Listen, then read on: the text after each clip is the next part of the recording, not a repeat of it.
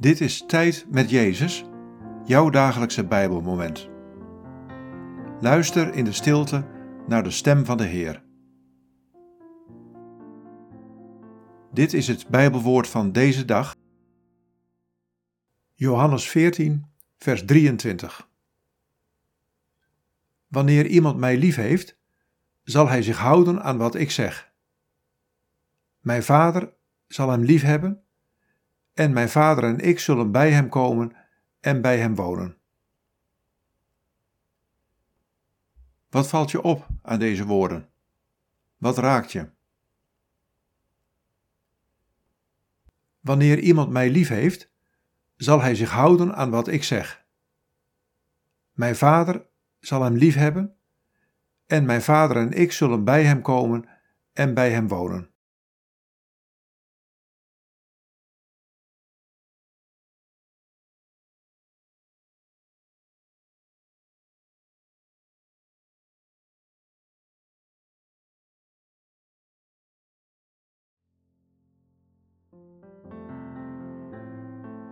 Jij hebt mij lief.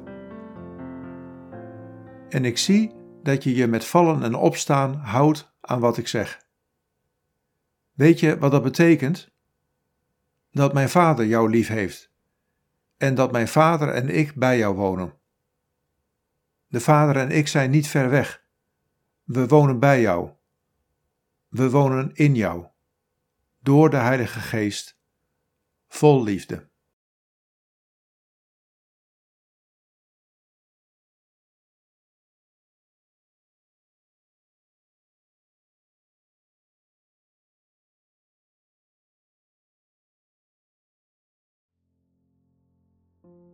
Bid deze woorden en blijf dan nog even stil in de aanwezigheid van Jezus. Jezus, dank u dat u en de Vader bij mij wonen.